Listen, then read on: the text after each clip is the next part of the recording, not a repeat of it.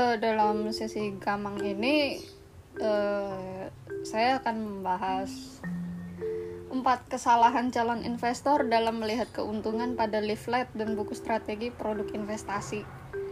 Nah ini renungannya ya sering dapat berita yang kurang enakan ya dalam dunia investasi ya banyak katanya ketipu lah inilah eh, gitu.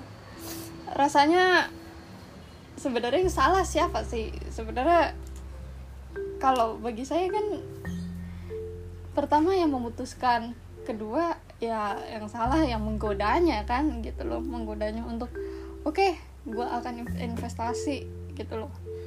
Nah prospek keuntungan investasi dalam jangka satu bulan tiga bulan enam bulan dan setahun pada leaflet atau bukti uh, buku strategi investasi apa pun bentuknya baik legal maupun ilegal apakah anda semua tergiur dengan penyimpanan jangka yang lebih lama? Jelas. Mungkin karena besaran keuntungannya melipat ganda ke rekening. Apalagi kalau yang bilang adalah testimoni para afiliator itu tuh. Namun Apakah dengan begitu semuanya terjamin dengan nominal yang sesuai dijanjikan seperti tanah terjanji tanda kutip ya? Oke, okay, uh, eh, saya ingin kita semua tuh pindah tempat duduk. Maksud maksud saya pindah sudut pandang ya. Nah, yang pertama, bayangkan kita adalah pihak yang mempromosikan produk-produk investasi tersebut dengan begini kita bisa bertanya pada diri sendiri berapa persentase yang logis untuk jangka simpan sebulan, tiga bulan, bahkan setahun. Ya, kebanyakan persentasenya di bawah dari yang mereka proklamirkan pada kertas yang udah disodorkan pada kita. Kertas promosi mereka hanya white lies atau dark lies mereka. Who knows? Kenapa saya katakan di bawah persentase yang dijanjikan? Bila investasi itu legal pasti keuntungannya juga dipotong pajak. Itu baru untung. Bagaimana kalau terjadi ketidakstabilan situasi investasi seperti masa pandemi yang kemarin-kemarin? Atau pemilu yang akan datang? Patut diingat bila lingkungan investasi apa pun jenisnya dan tingkat risikonya mereka semua sangat sensitif. Ya sesensitif perasaan yang tersakiti pada kondisi begini, kebijakan ekonomi pastilah berubah. Suku bunga, tenor obliga obligasi, dan lain-lain pasti berubah. Leaflet dan buku investasi itu tidak berguna pada kondisi buruk yang paling amat sangat buruk. Persentase yang dijanjikan juga tidak sesuai kan? Bahkan jauh di bawah ekspektasi. Nah, yang kedua, jangan lupa biasakan membaca tanda bintang biasanya kalau SK berlaku nah itu kan kecil.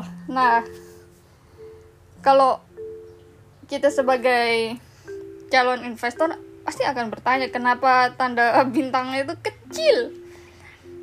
Kalau kita pindah tempat duduk sebagai penjual investasi itu kita akan menjawab karena kami ingin menghindari pertanyaan dan akan terus mengileri Anda sesu semua dengan keuntungan aja.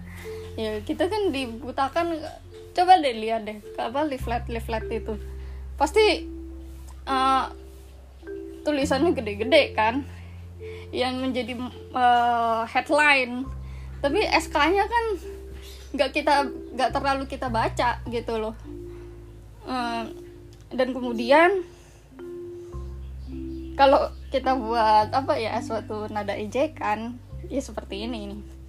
Orang kan sukanya yang indah-indah kan. Coba kalau malang-malang buntungnya pasti mau pada mau nggak sih? Kan enggak dong. Perlu diingat bila pihak yang mempromosikan investasi juga bermain psikologis juga.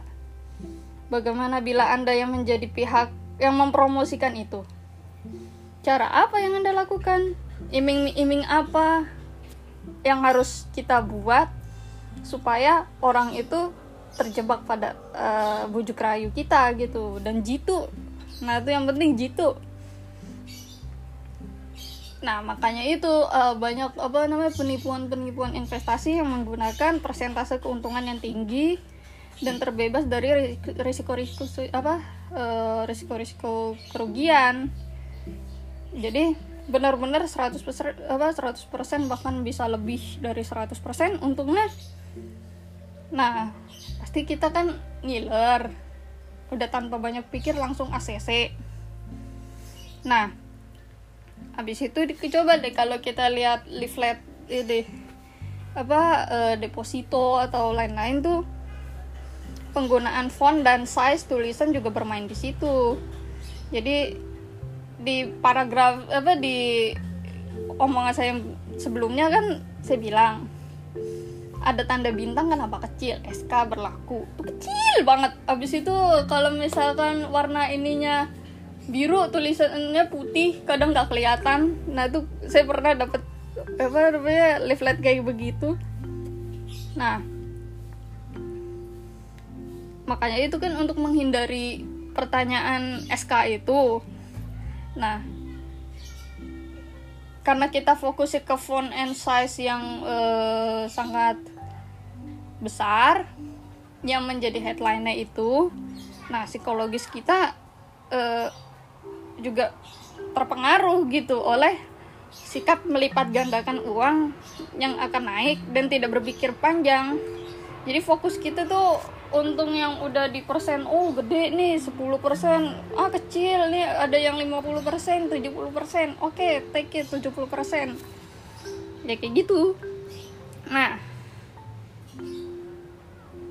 Jadi maka dari itu kita menginvestasikan yang jangka panjang yang dengan untung yang sangat gede tanpa berpikir uh, yang paling buruk itu terjadi gitu loh. Nah kalau di kalau misalnya kita ACC langsung berarti kan uh, perangkapnya berhasil kan? Nah langsung kita ketiga. Jadi ini bukan soal uh, malu bertanya sesat di jalan. Tanya-tanya itu itu ini itu pasti kan kita pasti dong nanya dong kita pasti ada sikap ragu itu pasti ada dong. Nah tapi sayang sekali nih uh, kita tanya ini itu kan nggak berguna sebenarnya karena si penjual investasi sudah berlatih membuat jawaban yang generik dan membuat psikologisnya tenang agar kita sebagai calon investor nggak ikut resah. Gitu. Nah yang keempat nih kalau cara pandang kita begini apakah kita langsung nyemplung investasi? Tar dulu.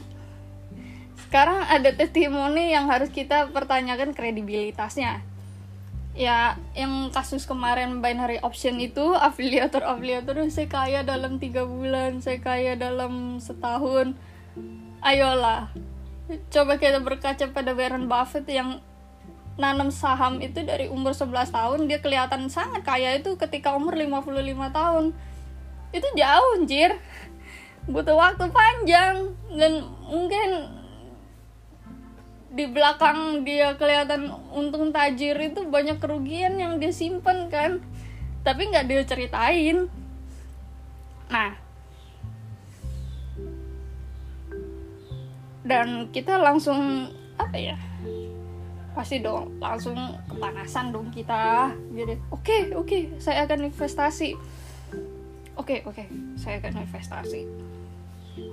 Tujuannya di apa bukan untuk apa namanya uh, masa depan kita yang sebenarnya tidak menentu.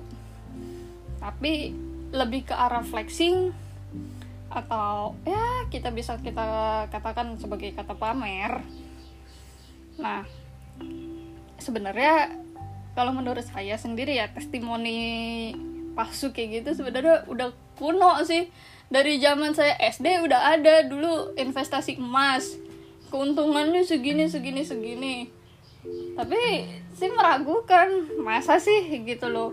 Setahu saya mama saya ngajarin kalau emas itu lu kalau mau untung lu nyairinnya nggak lima tahun nak. 10-15 tahun lu cairin tuh bakal kerasa oh gede. Itu. Gede untungnya gitu. Belum kan emas dipotong uh, misalkan emas perhiasan ongkos bikin dan apa tingkat apa namanya? Uh, kalau misalkan emas itu udah nggak bening lagi kan nilainya berkurang. Nah maka itu. Jadi saya meragukan yang kalau untungnya cepat gitu gitu emas aja kalau mau kita jual aja kudu 15 tahun ke atas kan baru kerasa untungnya. Nah coba deh. Kalau kita duduk sebagai si guru afiliator itu di pasti kan guru itu belajar dong uh, perilaku konsumen lanjutan karena mereka bisa berhasil membuat afiliatornya ini uh, mempengaruhi banyak orang dari sisi psikologis. Nah, untuk tambahan nih, psikologis diri manusia adalah elemen paling lemah dan sangat mudah dipengaruhi untuk menciptakan impuls-impuls yang impulsif. Nah, kalau kita mengubah tempat duduk uh, maksud saya sudut pandang kita kalau kita menjadi mereka ya kita nggak mungkin uh, salah total dong sampai rugi besar-besaran sampai kita gila karena uangnya lenyap gitu dan demi mengenyangkan sikap tamak kita yang akan tergila-gila dengan besaran keuntungan investasi. Nah, dengan cara itu saya ya seenggaknya mencegah diri saya untuk tamak sih. Jadi bagi saya cukup lah. Oh, ini cukup cukup cukup apa yang bisa saya toleransi, apa yang tidak gitu loh. Oke, sekian. Terima kasih.